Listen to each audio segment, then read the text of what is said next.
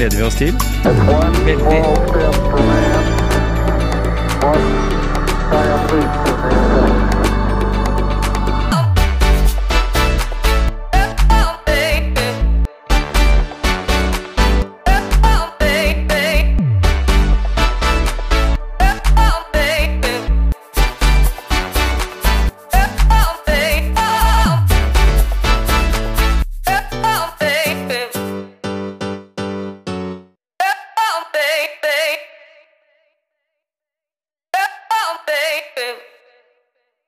Har vi tatt eh, turen til Fagerborg skole. Det har vi. Ja. Og um, jeg må jo si at eh, jeg blei jo veldig fascinert av når du dro med Frank Løke på tur her for litt siden. Det er ikke så lenge siden. Nei. Nei. selv, om, selv om det var liksom dine tips for hvordan du kan drive med, med løping. Men du har jo gjort det helt ekstreme. Velkommen til Therese Falk. Takk. Litt om deg selv. Eh, Jeg er 45 og et halvt. Mhm. Eh, Jobber som lærer her på Fagerborg skole. Eh, Bodd i Oslo i 26 år. Og bor på Kampen i Oslo med to katter. Mm. Og så liker jeg å springe langt. Og det var jo det som fascinerte oss, ikke sant, Ja, Gisle? ja. ja altså, ikke sant? Det er- det er ikke bare at du liker å springe langt, men du springer jo ekstremt langt.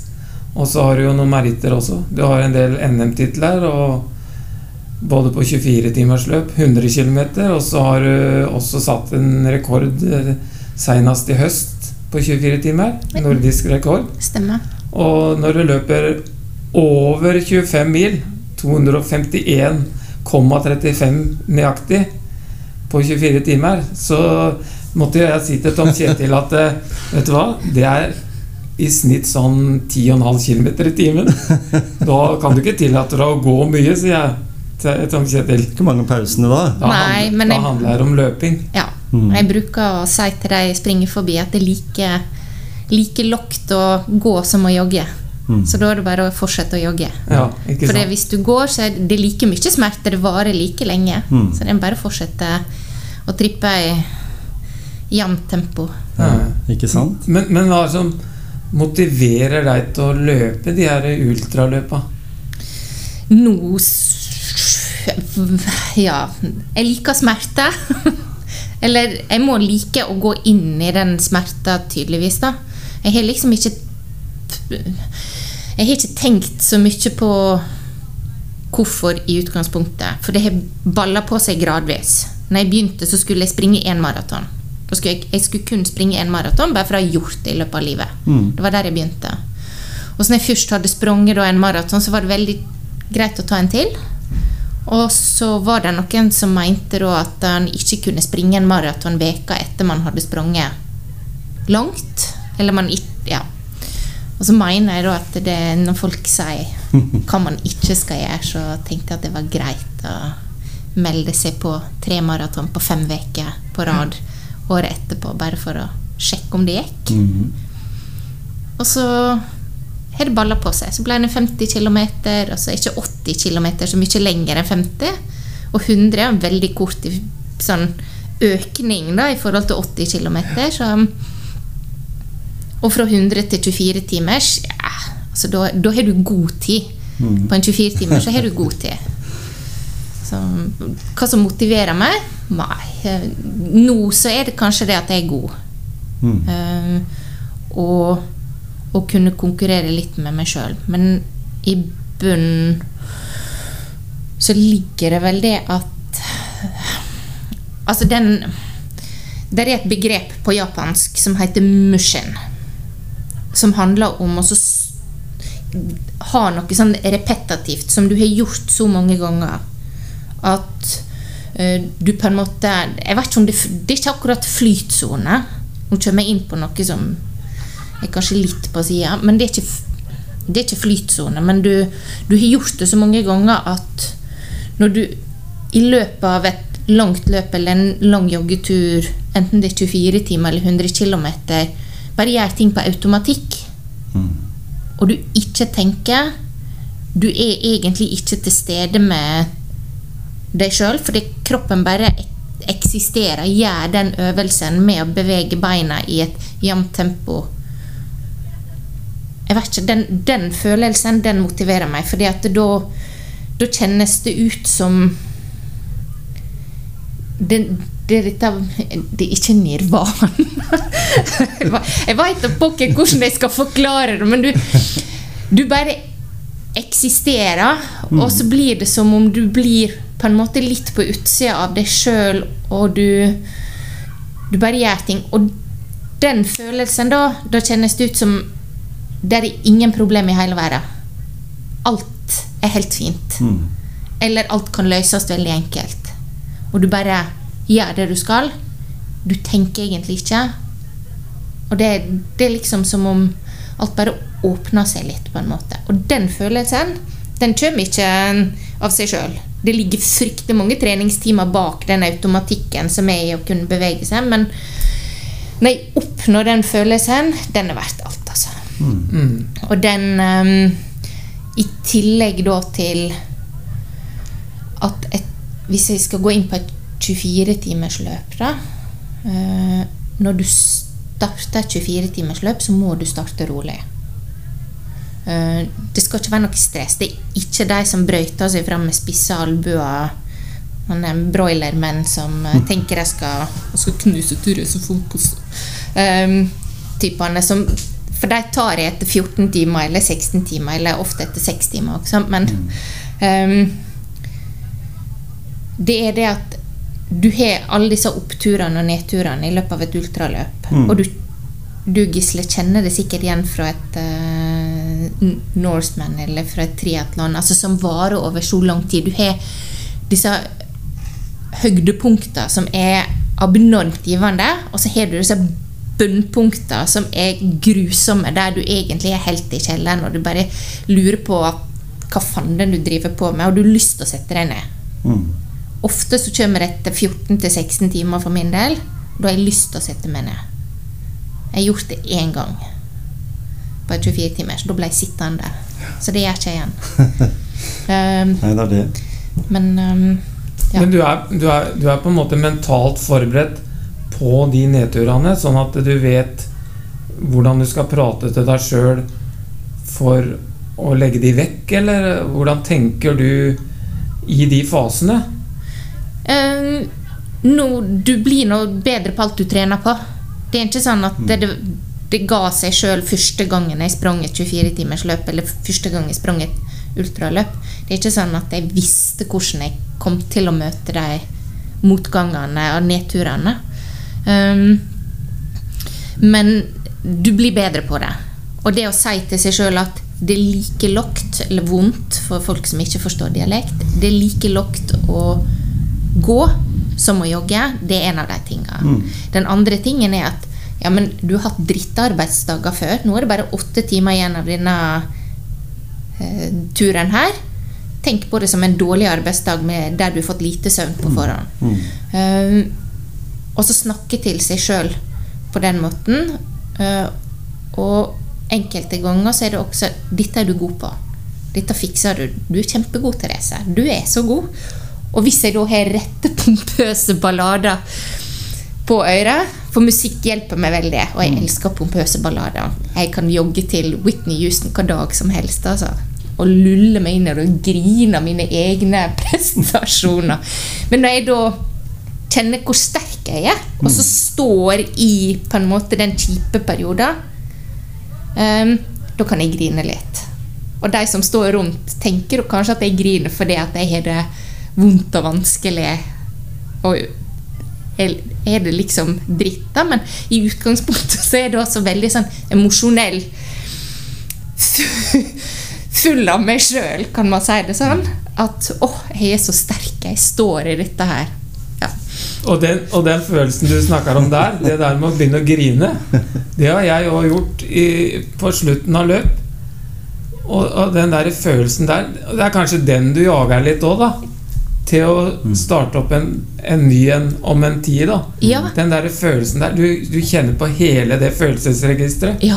Og det er jo motivasjon i seg sjøl. Ja, det følelsesregisteret, for det er egentlig det det går på. Mm. Og folk som sier det at eh, Ja, men nå må du sutte på den karamella her litt. Etter det løpet i hell der jeg sprang 251,4.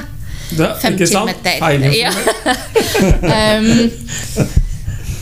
men etter jeg hadde sprunget det, så var det sånn Ja, men du må sutte på den karamellen, og nå må du eh, unne deg sjøl og bare kjenne på glede over eh, det du har fått til. Men det er ikke sånn.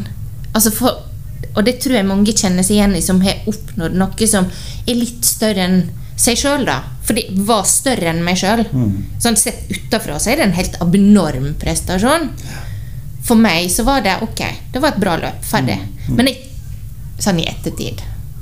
Men jeg kjenner på kjærlighetssorg. Altså det er nesten denne, Det er kjærlighetssorg over at noe er over. For det er så emosjonelt, et 24-timersløp. Det er så inngripende i hele meg at du blir liksom Det er livet komprimert på 24 timer. Med oppturer, nedturer og kjedelige øyeblikk og Eller kjedelige perioder. Og det at du står i smerter og overvinner smerter, og- så har du Ja, du har liksom hele berg-og-dal-banebølgeregisteret i løpet av 24 timer. Og jeg kjenner den der eh, Når du snakker om det sutte på karamellen, da. Ja. Jeg skrev det i et blogginnlegg en gang at det, nå skal jeg sutte litt på karamellen.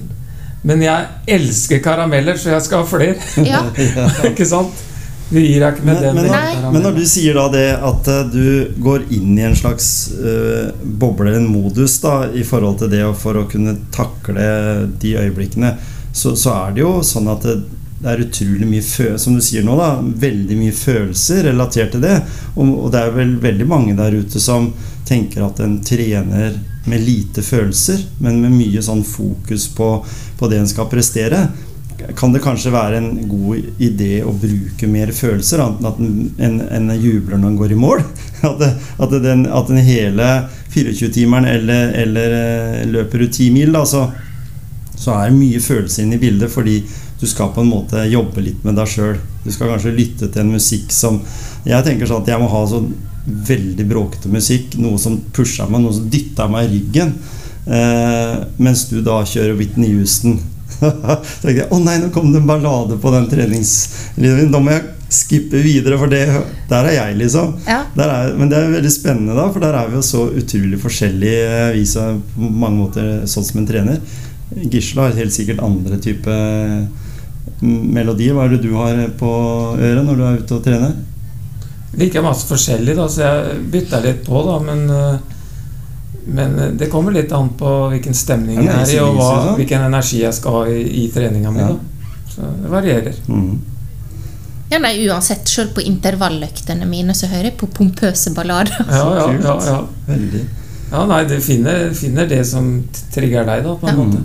Men, eh, men, men uansett, da, det det er jo mye mentalt. Og så, og så kan man tenke at eh, ja vel, bruker bruker det mentale for å komme så fort i løpet av 24 timer eller 100 km. Da, men det, det ligger jo ikke bare det mentale her. Det er jo en fysisk greie. Jeg tenker at det er ikke for hvem som helst å løpe en mil under timen og repetere det 25 ganger. Det er ikke for hvem som helst. Noen klarer bare en mil kanskje på en time aleine, da. Men de kan ha de samme utfordringene gjennom den 10 km, faktisk. Som du har på et 24-timersløp. Mm. Så det er jo mye å lære av hvordan, hvordan man deler inn den fasen. Da. For det er jo ikke alle som kan, som jeg sier, løpe 24 timer. Men, men kanskje målet er en mil, da. Så Ja. kan de bruke de samme teknikkene. Ja. Mm. Eh, Jeg tenker altså, du må bare begynne. Mm. For det er kanskje det aller viktigste råd man kan gi, er å faktisk ta på seg treningstøy og gå ut døra. Hvis du har gjort det, Mhm. da har du egentlig gjort 90% av jobben. For det er det som er det tyngste. Å klare å motivere seg til å reise seg opp av sofaen, eller å drite i den klesvasken, eller eh, støvsuge den dagen, liksom. Jeg er veldig god på å ikke vaske. men det er noe med å kunne prioritere, da. Ja. Men jeg ser ikke Jeg ser ikke på TV. Jeg ser ikke på Altså, jeg har Netflix og TV2 Sumo gjennom eksen min sin bruker, fordi han er grei å dele det med meg. Mm. Men jeg tror jeg ser på sånn en gang i måneden, kanskje. Jeg gløtter innom eh, noe Grace Anatomy eller oppussings... eh, Eller friidrettsprogram, liksom. Men det er prioritering. Å gå ut døra, det er det viktigste. Mm. Det at du faktisk tar på deg sko og treningsklær og kommer deg ut døra. Og så kan han gjerne si at ja, men du trenger godt utstyr og du trenger ditten og datten. Og det kan motivere deg å kjøpe deg noen nye klær liksom, som kan få deg ut første gangene. Men i, i prinsippet så kunne jeg ha jogga med de samme klærne som jeg hadde for åtte år siden. Mm. Ja, nå er det kanskje mer siden jeg begynte. Ja, nå er det ni år siden jeg begynte å springe. Så det er Altså, du har ikke driv- drevet med løping hele livet, selv Nei, om du begynte med maraton seint, da, men, du har, men har du noen annen idrettsbakgrunn? Nei, nei, nei. Så, så det, bare, det, det bare begynte med det du sa i stad, om det at jeg, skal klare å gjennomføre en maraton? Ja. Mm. Jeg, um, jeg bruker å si det at jeg har spart denne kroppen her ganske mange år. Så det er derfor jeg ikke blir skada. Men nei, nei, ikke idrettsbakgrunn. Eh, jeg um, tok min første røyk som 14-åring på speiderleir i Mandal. Og så har jeg en ordentlig sånn uh, Tramp-stamp på ryggen. Og det er liksom, altså jeg er full av arr etter livet jeg har levd. Og de fleste synlige arr de er kommet etter løpesekker og trenings-BH og sånn i seinere tid. Men jeg har levd et liv før jeg begynte å springe, som også er, er en viktig del av meg. Uh, og det er ikke sånn at jeg går rundt og angrer på den jeg har vært eller det livet jeg har levd, for jeg har hatt veldig mye gøy.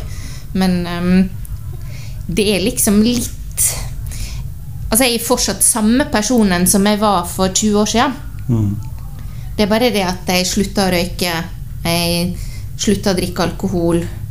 Uh, jeg kan fortsatt være like vulgær. um, eller harry. Uh, eller drøy. Men jeg har liksom tatt noen valg som er bedre for meg og for spesielt den mentale helsa mi. uh, tenker jeg. Og da høres det ut som For det enkelte journalister liker å vinkle det til at jeg var deprimert og, og slitt med angst og sånn. Jeg hadde en kjip periode på en jobb. Fungerte ikke på den jobben. Um, da tok jeg tak i livet mitt eh, i litt større grad. Mm. Og slutta i den jobben. Og begynte å trene litt mer aktivt. Meldte meg på en maraton. Og så det at fysisk eh, Altså det å slite seg ut fysisk og fysisk smerte er i grunnen fryktelig mye lettere å takle enn det å ha det kjipt inni seg, da. Mm. Uh, så for meg så har nå i koronatida, spesielt nå i koronatida, så tror jeg faktisk at jeg kunne ha klikka i vinkel hvis jeg ikke hadde kunnet eh, trent.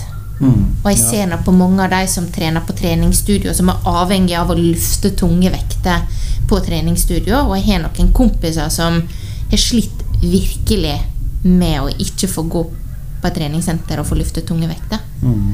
Um, og da blir koronatida eller isolasjonen mye tyngre å takle. Mens for meg som bare kan gå ut døra og jogge, så har det funka veldig som en slags um, Ja, det hjelper meg. Mm. Mm. Men uansett, da, det du sa, det at du hadde hatt det litt tungt i en jobb, Mm, og tok et valg. ja. Og det har, det har også Petter Stordalen snakka om. liksom det Ta et valg. Gjør noe annet hvis du kommer i en sånn greie, da, så ikke bli der. Ja. Mm. Tør å ta et valg, for det kan det, skal ikke, det er ikke sikkert det skal så mye til før livet endrer seg til det positive. Nei.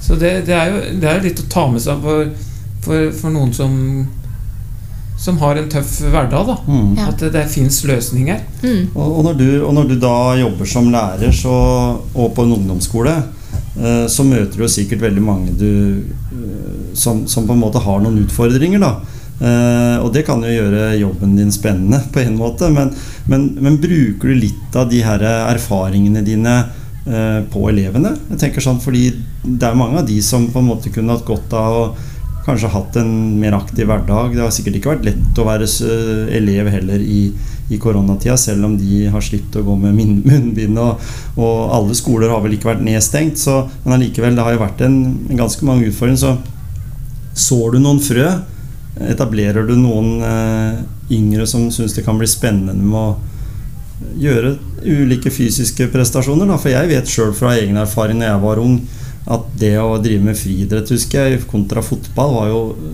Altså det å prestere i et, en 100-meter, f.eks., var liksom den samme euforiske opplevelsen som å score et mål. da det var mm. litt, eh, litt på den måten. Uh, og det tenker jeg at flere burde kanskje få erfaringer med det, for å føle den lykkefølelsen i at det ikke bare er angst. Og det, det står, er veldig mye i media om personer som står fram med, innenfor angst og depresjon. Mm. Men, men, jeg husker vi hadde et podkastintervju med som mente at det var litt stor forskjell på det å være, eh, ang, ha angst og være engstelig. Og det å være deprimert og ha en depresjon, liksom, mm. det var vel ganske sånn uh, forskjell, da, kontrast. Men det brukes liksom litt om hverandre. Det bruker, brukes veldig om hverandre. Mm. Og jeg tenker det at det å stå i en krevende jobb, mm. det er det mange som gjør. Ja. Uh, veldig mange som gjør, gjør i perioder. Ja. Uh, og det å ha det krevende på privatlivet mm. Altså nå er Dette året her har nå vært helt ko-ko for min del. Det har vært korona, det har vært nedstengt nedstengte skoler. Jeg har gått gjennom et samlivsbrudd med Altså, jeg var 18 år i et forhold. Ja.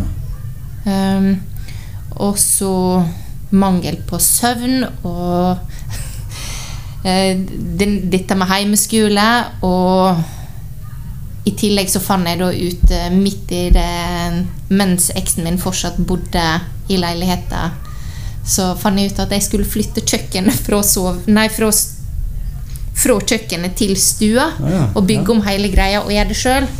eh, så jeg, det er noe med å gjøre, gjøre endringer. Mm. Men for elevene, hvis vi skal gå tilbake til elevene, om jeg så noen frø Ja og nei. For det er litt Det blir fort at vi som har funnet lykka i å trene, driver litt sånn halleluja og frelsevirksomhet. Ja, det er det vi er litt redde ja. for.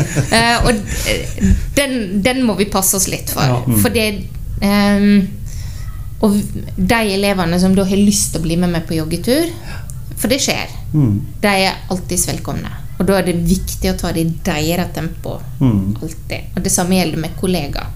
Hvis det er noen som har lyst til å, å, jogge med meg, må det være i deres tempo. Mm. Um, for det skal være noe som motiverer. Og det tar tid å bygge opp. Men eh, ja, det tar tid å bygge opp. Mm. Og det ser jeg også i læringsprosessen til elevene. At de forventer ja, men nå har jeg jobba hardt i to uker, Therese. Går jeg opp fra en treer til en firer nå, liksom? Mm. Eh, nei. men hvis du jobber fortsatt godt over lang tid, mm så er det stor sannsynlighet for at du vil gå opp en karakter. Um, så det er noe med å se at ting Det er ikke sånn at hvis du tar to joggeturer, så skal du være frelst. Det tar lang tid å endre en mm. vane. Og det tror jeg at mange brenner seg på, at du vil ha så fort resultat. Mm. Og det gjelder ikke bare tenåringer. Altså, De har ikke frontallappen ferdig utvikla, så de vil nå ha umiddelbart resultat sann, liksom. Mm. Uh, mens dette gjelder voksne også. De tenker at du skal liksom se umiddelbart resultat hvis du tar Du skal begynne å like å jogge på tredje joggeturen, liksom. Mm. Det er ikke sånn det funker. Og jeg kjenner fortsatt etter ni år på dørstokkmila. Mm. Ja, ja. Den, den, kan jeg kjenne meg igjen i òg. Men, men, men, jeg bruker den der at eh, jeg vet, jeg vet at når jeg er ferdig, så har jeg en veldig god følelse. Og så har jeg, har jeg, jo noen mål. Eh, helse er et mål. Og så har jeg lite resultatmåler og, mm. for å si det sånn, mm. som, som, som, driver meg, da, på en måte. Ja. Over den dørstokkmila. Mm. Så, så den, den tror jeg eh, de aller fleste uansett kjenner på, og det tror jeg er viktig å formidle òg. Mm. Ja. Selv for deg som løper 24 timer i strekk. Ja. Og da lurer jeg på litt om Vi har jo snakka om det mentale, men vi, eh, hvordan ser treningshverdagen din ut? Er jeg ser for meg at det er eh, 250 km i uka, liksom. Ja, da, men Nei. nei. I år har jeg sprunget mye mer enn i fjor på samme tid. Men det har Og eh, det har noe med livssituasjonen å gjøre. Mm. Det har noe med at jeg sover mye mindre. Og når jeg ikke da har fått sove, så har jeg valgt å stå klokka fem eller stå opp halv fem og gå ut og jogge i to-tre timer før jobb i stedet for å bare ligge og stirre i taket. Eh, og så har det fungert egentlig litt som meditasjon å få ut Altså la tankene få lov til å strømme gjennom hodet mens jeg jogger, da, i stedet for å ligge og gnage på dem. Eh, Så i år så har jeg sprunget fryktelig mye mer enn vanlig. Og da tror jeg jeg ligger på et snitt på 120 i veka kanskje. Og det er mye for meg. å være, For i fjor så tror jeg snittet var på 90-ish. Kanskje litt mer. Mens tidligere år så har det vært på 80 km i veka i snitt. Mm. Um, men så For meg så handler det om jeg, jeg tror ikke du blir bedre til mer du trener. Jeg tror du blir bedre hvis du trener rett. Men jeg vet, ikke hva som er rett. Det som er rett for meg, uh, det handler om at jeg fungerer i hverdagen. Det er motivasjonen min. eh, Å fungere godt i hverdagen og bli en bedre utgave av meg sjøl Mm. som menneske, ikke nødvendigvis bare som idrettsutøver. For det, nå er jeg så gammel at jeg tenker at eh, nå bør det snart begynne å bikke over. Nå bør, nå bør jeg snart begynne å ja, bli litt dårligere. Altså, jeg vet ikke, for det har jeg tenkt hvert år nå at eh, jo, jo, men nå, nå er det slutt. Men, I, i, mitt, I mitt hue så har jeg jo tenkt at, eh, at nivået mitt skal være helt likt eh, Helt sånn helt flatt. Ja. Men, eh, men jeg kan vel nesten skrive under på at for at det ikke er sånn. ja. men, Men, men at jeg skal redusere den, det forfallet, da. ja. Være så høyt i, som jeg kan og, gjennom min trening, da. Mm. For det er nok, mange, det er nok altfor mange som trener ut ifra at de ønsker å prestere det de gjorde når de var yngre. Men en får jo på en måte Mens, mens det, det kanskje du lærer deg, i og med at du begynte så seint, tenker jeg da, det er at du lærer deg hele tida nye ting. At du fortsatt eh, kan si at ah, nå vil jeg prøve det. Jeg har jo skjønt at du har jo ikke noe stort sånn treningsapparat rundt deg når du, når du driver med, med den aktiviteten du driver med. Nei, jeg har ikke ikke apparat rundt meg Nei, ikke sant? Det er det jeg ville fram til. Ja. At du gjør mye det aleine. Altså de tinga du tilfører din måte, det, det er jo sånt du må google eller lære sjøl. Av deg sjøl, på en måte. ja, jeg tenker det at jeg må Jeg lytter til kroppen. Mm. Og så lar jeg meg eh, trigge av folk som uttaler seg om treninga mi som om de veit hva som er bra for meg. Mm. Og da tenker jeg skal i hvert fall vise dem at det jeg driver på med, funka bedre. mm. Ja, for du er jo i et sånt nivå der du kunne fint vært i Olympiatoppen, og du kunne vært innenfor sånne miljøer også, som du kunne sikkert uh, rappa en god del uh, ting da, i forhold til det med trening. Men du har liksom funnet din, din vei. Den måten som du leverer resultater på. Det er jo beundringsverdig at du, du gjør det på egen hånd, tenker jeg da. Ja, altså nå har ikke en ultrasporten fått Nei noe særlig anerkjennelse fra Nei, Friidrettsforbundet. ikke sant? Eh, og når jeg da ble først nominert, og så ble jeg kåra til årets friidrettsutøver mm. i fjor Og når jeg da fikk telefon fra Friidrettsforbundet, så sier de ja, den så vi ikke komme, gjorde vi? Nei. Og da kjente jeg at eh, ja, jeg, jeg skal ikke si hva jeg tenkte. Nei, men Når du sier det, da, så tenker jeg liksom Wow, liksom, Norge er jo ikke akkurat helt sånn u-land når det gjelder friidrett for tida.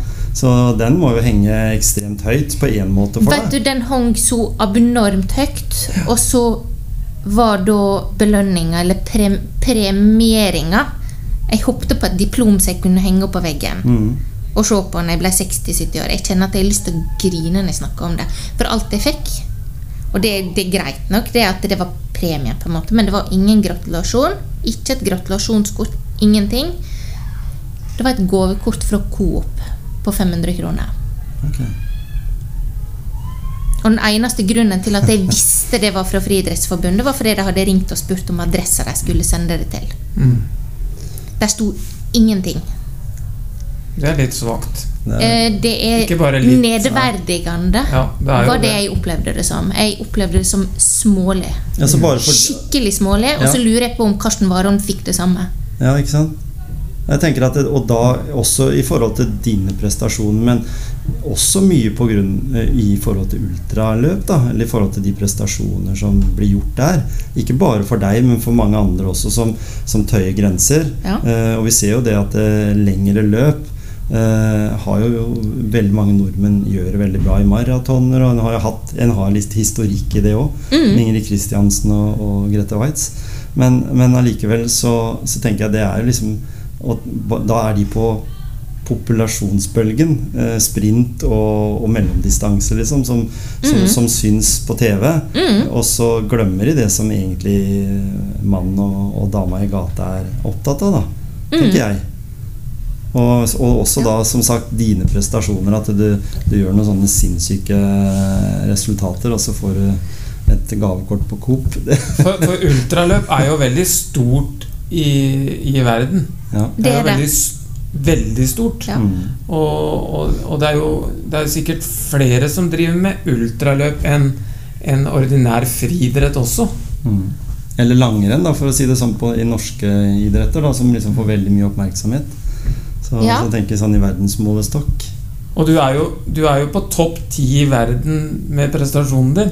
Gjennom alle tider. Ja, gjennom alle tider. Det er ikke sant? Det er Og viktig å få med, for det er, det er jo sinnssykt Ja. svært. Ja, og det er liksom Jordkloden er mange millioner år gammel, liksom.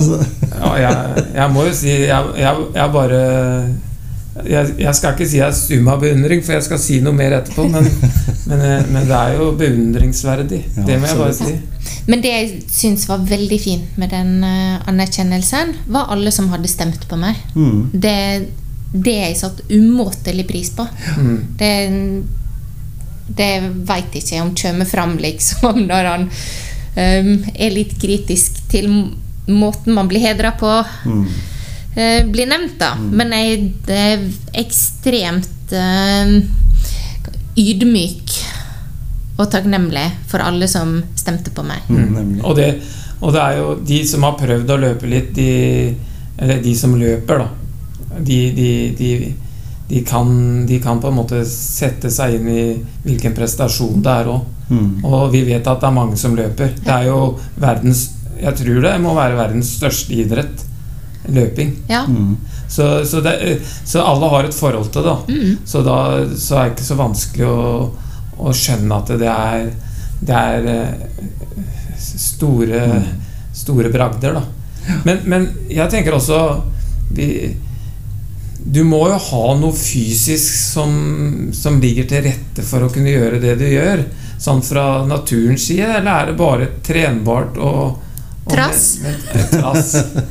Det er, det, er, det er det som fascinerer meg. trass, ja. Hvilke muskelfibre har du som ikke jeg har, eller som Tom Kjetil ikke har, og sånn? Nei, jeg veit ikke, for det var noe jeg, altså, jeg, Av og til folk snakker om meg via via, og det var en som hadde uttalt at uh, det var ikke så imponerende det Therese Falk dreiv på med, for jeg hadde så dårlig VO2 maksopptak eller noe sånt. Og så tenker jeg Hva er VO2 maksopptak? Jeg veit ikke. Eh, Jeg vet ikke hva opptaket mitt er. Og jeg syns det er fascinerende at en eller annen mann i Bergen på 40-50 år uttaler seg om det som om han veit det. Eh, og er det da Og så veit ikke hva som er lavt, og hva som er høyt, og hva som er bra, og hva som er dårlig.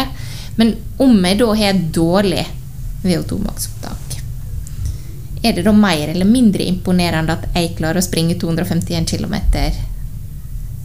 om jeg har det ene eller det andre? Jeg veit ikke.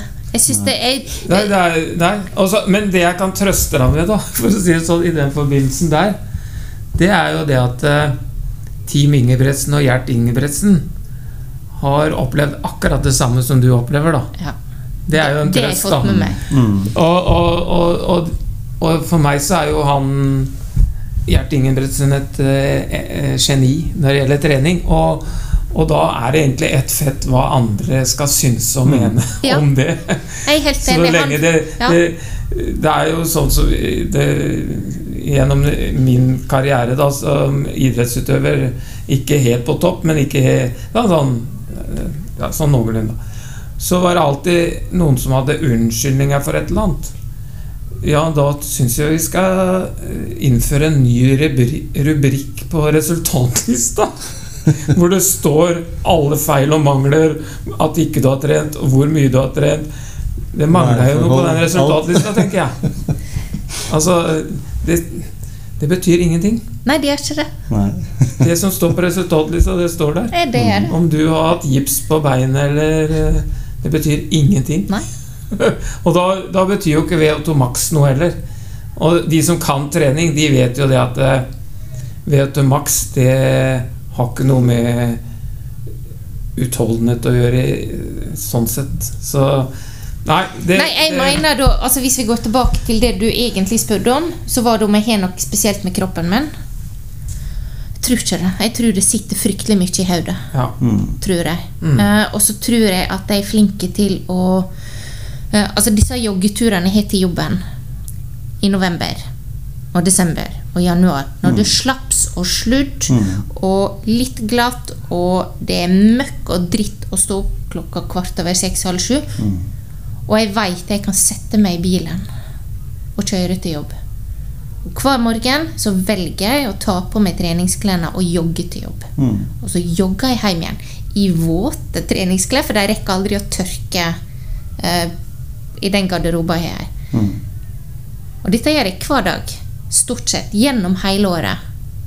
Og det er klart, det, det bygger karakter. Det bygger en vilje. Det bygger eh, Det bygger noe som du ikke får ved å ha et fastlagt treningsopplegg der det står en eller annen på ei bane og forteller deg hvor fort du skal springe hver runde, og hva tid du skal ta pause, og laktatmåling og fandens oldemor. Det er disse morgenturene og ettermiddagsturene som jeg legger inn hver eneste dag. Det er de som bygger egentlig viljen til å gidde å stå i det etter 16 timer oppe i hell eller en eller annen plass. For jeg veit at det, det går over, det går greit. Om et par kilometer så er det fint igjen. Og jeg angrer aldri på en tur. Det er tips nummer to. Hvis du først kommer deg ut, når du har overvunnet det, ja. du angrer aldri på en tur. Det er ikke sånn at du snur og jogger hjem når du har begynt å jogge til jobben. Nei. Det er ikke det. Så hvis du pakker løpesekken Her kommer tips nummer tre. Pakk løpesekken. Løpesekk er kanskje det viktigste du kan skaffe deg. Mm. En god sekk som sitter godt på din kropp. Spiller ingen rolle. Det, det handler ikke om pris. Det handler om hva som passer deg. Mm. Og så pakker du sekken dagen før, slik at treningsklærne er det som ligger fremme. Jobbklærne ligger i sekken. Og så jogger du til jobben. For det, det er så mye enklere hvis du bestemte deg for at det er det jeg skal gjøre. Mm. Og du angrer aldri på den turen. Sjøl på disse november... eh, Jeg har angra par ganger, men jeg snur ikke og, og springer hjem igjen når jeg er halvveis til jobben. Mm. Så, og hvis du da har lang vei til jobben, så går det an å jogge én vei. Ja. eller ta bilen en dag, jogge hjem igjen. Jogge til jobben dagen etterpå, ta bilen hjem igjen. Mm. Eller dele opp kanskje ruta òg, hvis det er sånn at du har det, transportmidler underveis. At du løper noe. Men, men jeg tenker på når du Oi. Når du sier eh, Legger opp til den måten der. Da. Jeg har gjort det sånn sjøl nå i, gjennom hele vinteren. At jeg sykler eh, til og fra jobb uansett vær. og Jeg har ikke så lang vei, men noen ganger så legger jeg inn en ekstra runde bare for at det skal bli litt lenger.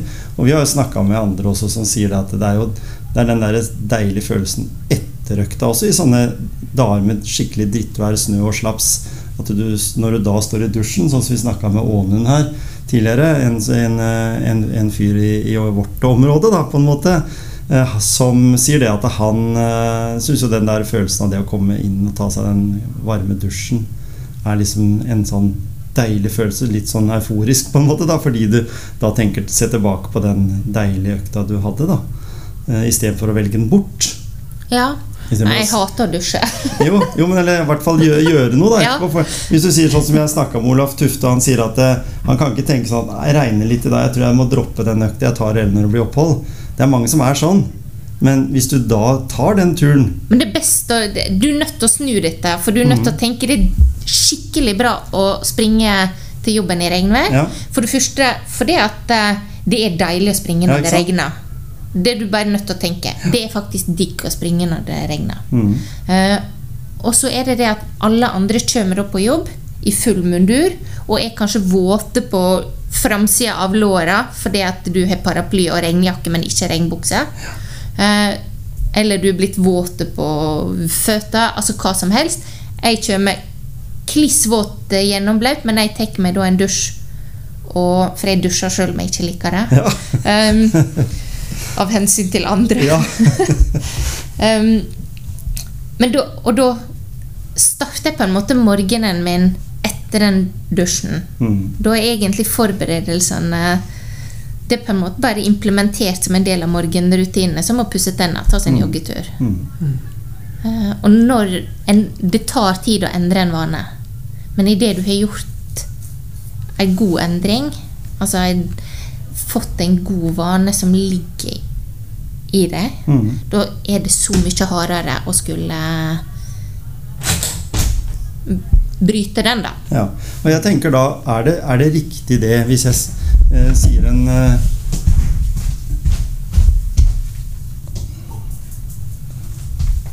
ja. Ja. Hvis, jeg, hvis jeg kommer med en påstand om at eh, hvis, hvis jeg eh, er ute og, og trener og eh, tenker at eh, istedenfor å sitte i bilen da, og stå sånn og, og, og lugge i, i kø, eh, så kan jeg jobbe med hverdagen, altså begynne å planlegge dagen gjennom den løpeturen. At det er lettere å bruke huet og planlegge enn hvis du sitter i bilen og blir stressa fordi alle andre rundt deg har dårlig tid. Og sånn. Og I hvert fall så er det sånn hjemme. da, at Den kjøreavstanden kan jeg bruke eh, kortere tid nesten på å løpe fordi du sitter litt i kø, og så skal alle inn, og så skal du slåss om parkeringsplasser. og så Mange sånne ting som skal gjøres. istedenfor bare løper du forbi alle de stressa hodene, og så rett uh, på jobb.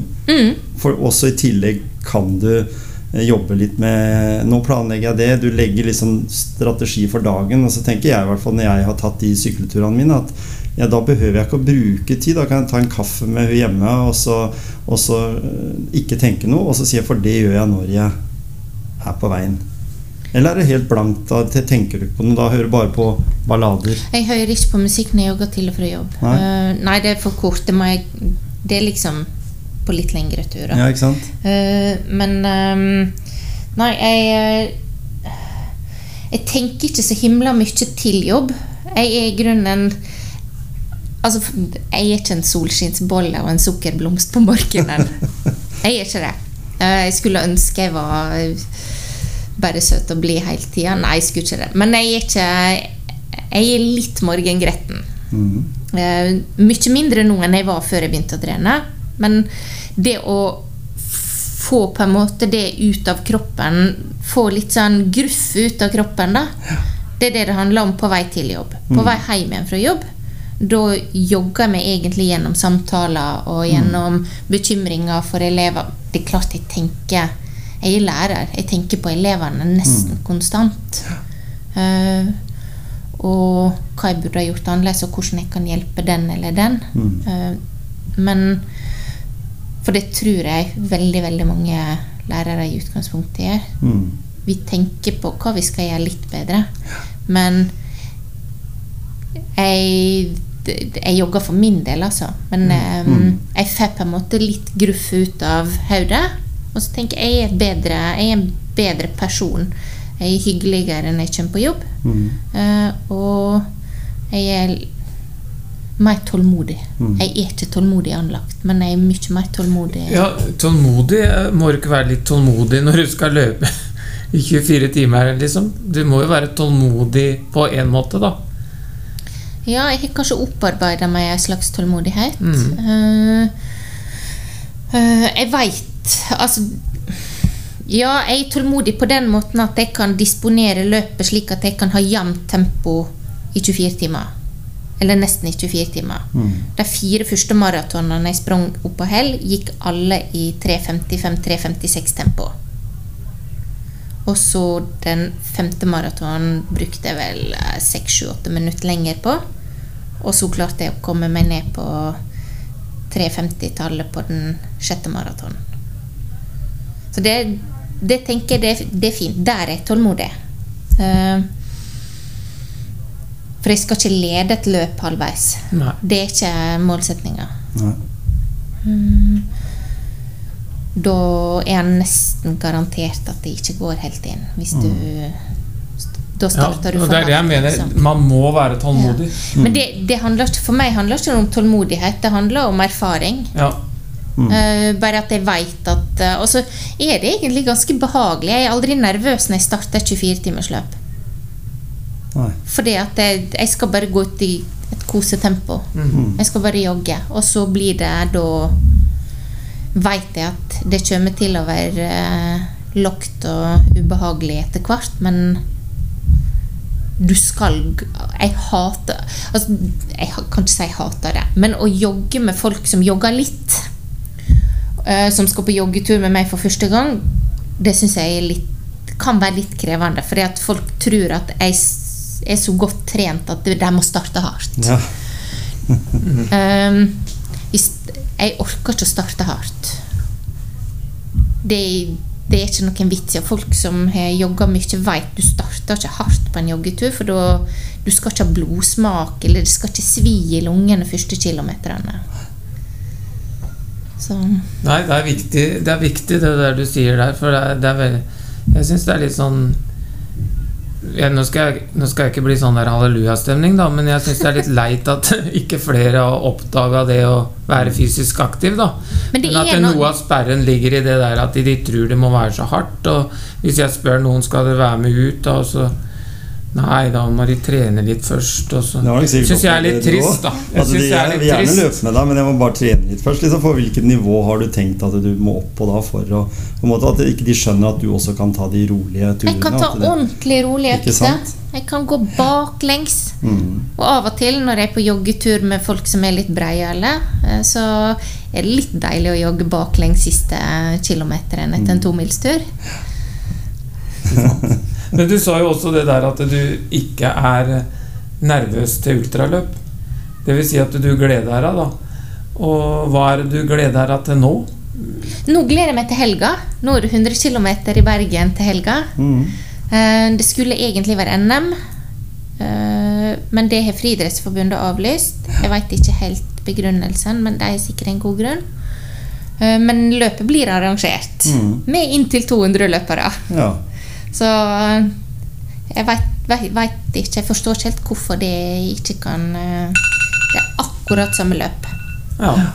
Så du reiser nå Jeg reiser på fredag, og så Ja. skal jeg bo med ei venninne. Ja. Jeg har venner i Bergen, så jeg er veldig Jeg gleder meg veldig til å springe med startnummer igjen. ja Og starten går klokka Ni på lørdag.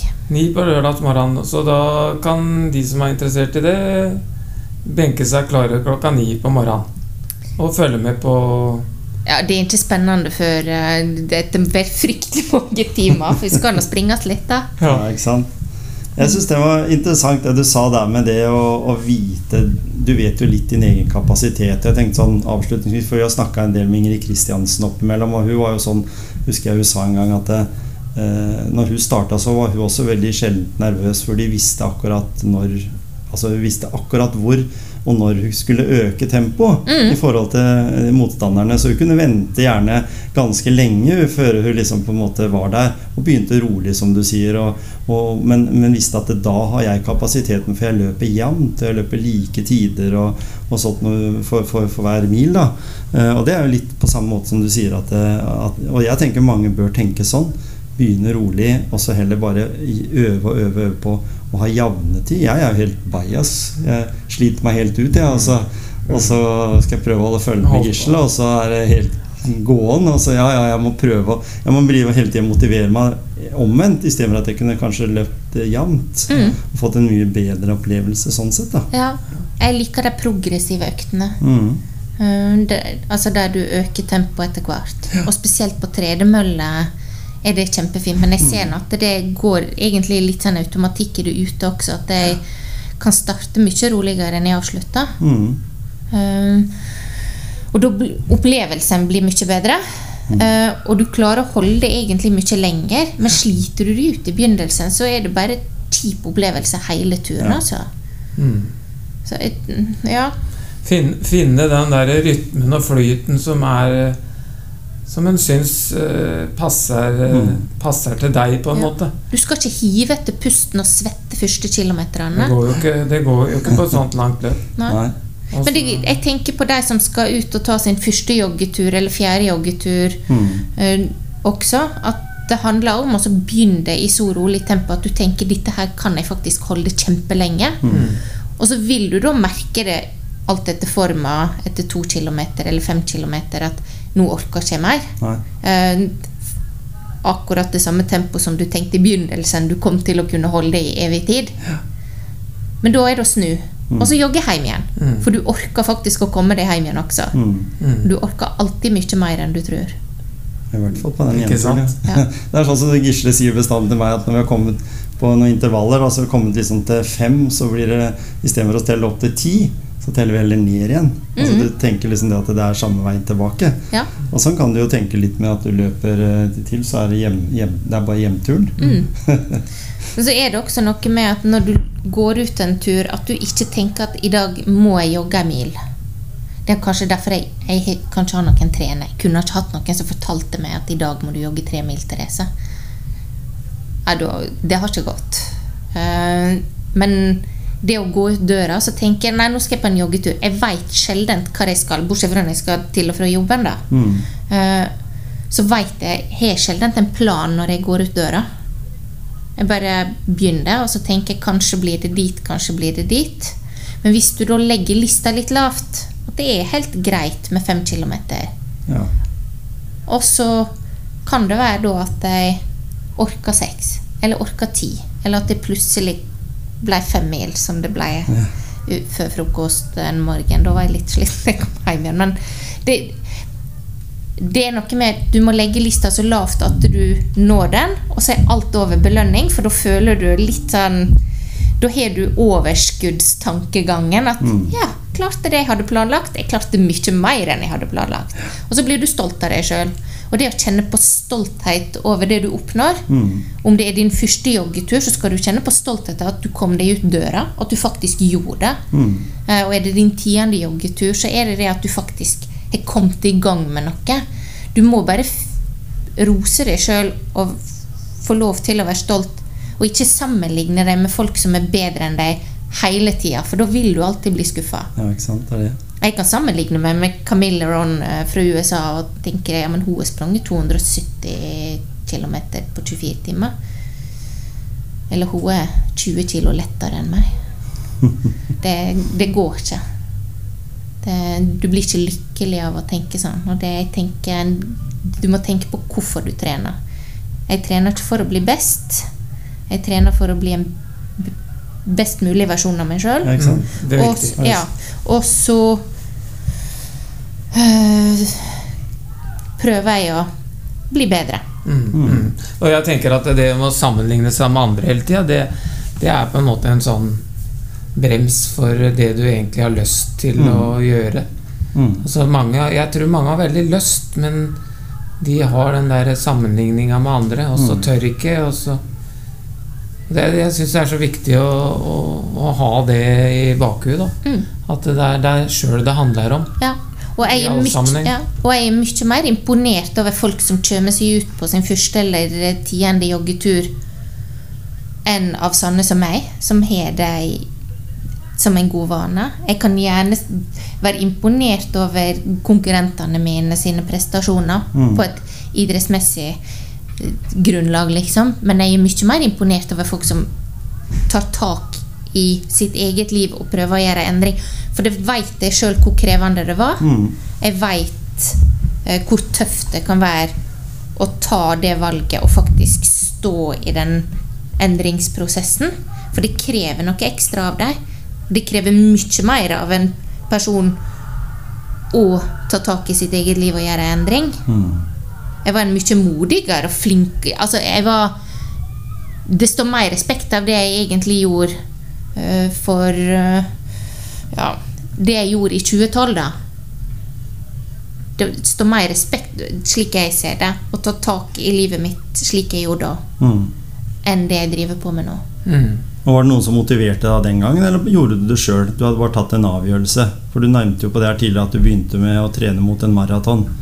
Men det var jo være noen som sparka deg bak den gangen. Ja, men da jeg hadde blitt sjukmeldt, og så um, sa legen at jeg måtte bare komme meg ut. Ja, sant, det var det. Gjør, no Mm. gjør noe hver dag. Ja, og så terapeuten hun sa det at nei, hvis du vil ligge på sofaen og spise sjokolade hele dagen, så kan du gjøre det. Ja. Så da to, fant jeg en balansegang da, og sto opp hver morgen og gikk og trente. Og så gikk jeg hjem og lå på sofaen og spiste sjokolade resten. Jeg elsker sjokolade. Ja, det er Toppen, fra, be flere som toppen fra begge verden. Ja. Men, men eh, sånn som nå ja, eh, på, lørdag, eh, på lørdag, da, så er det jo det løpet. Har du noe mål Satte du da noe mål om tid på det løpet, eller? Ja. ja. Hva, er kan, vi, kan vi få høre hva vi skal følge med på? Nei, hvis, det er klart at eh, kroppen må funke. Jeg har løyperekorden i Bergen fra før av på 100 km, som er 8.31 eller noe sånt. Men persen min er 8.19,15 på 100 km. Mm. Jeg har lyst til å prøve å ta 8.19,15. Mm. Da, da, da gleder vi oss til å følge med. Det gjør vi. Og så ønsker vi deg masse lykke til. Tusen takk. Sier vi takk for at du ville være med oss i Motivasjonspreik. Ja, det var veldig hyggelig. Håper jeg motiverte i hvert fall én.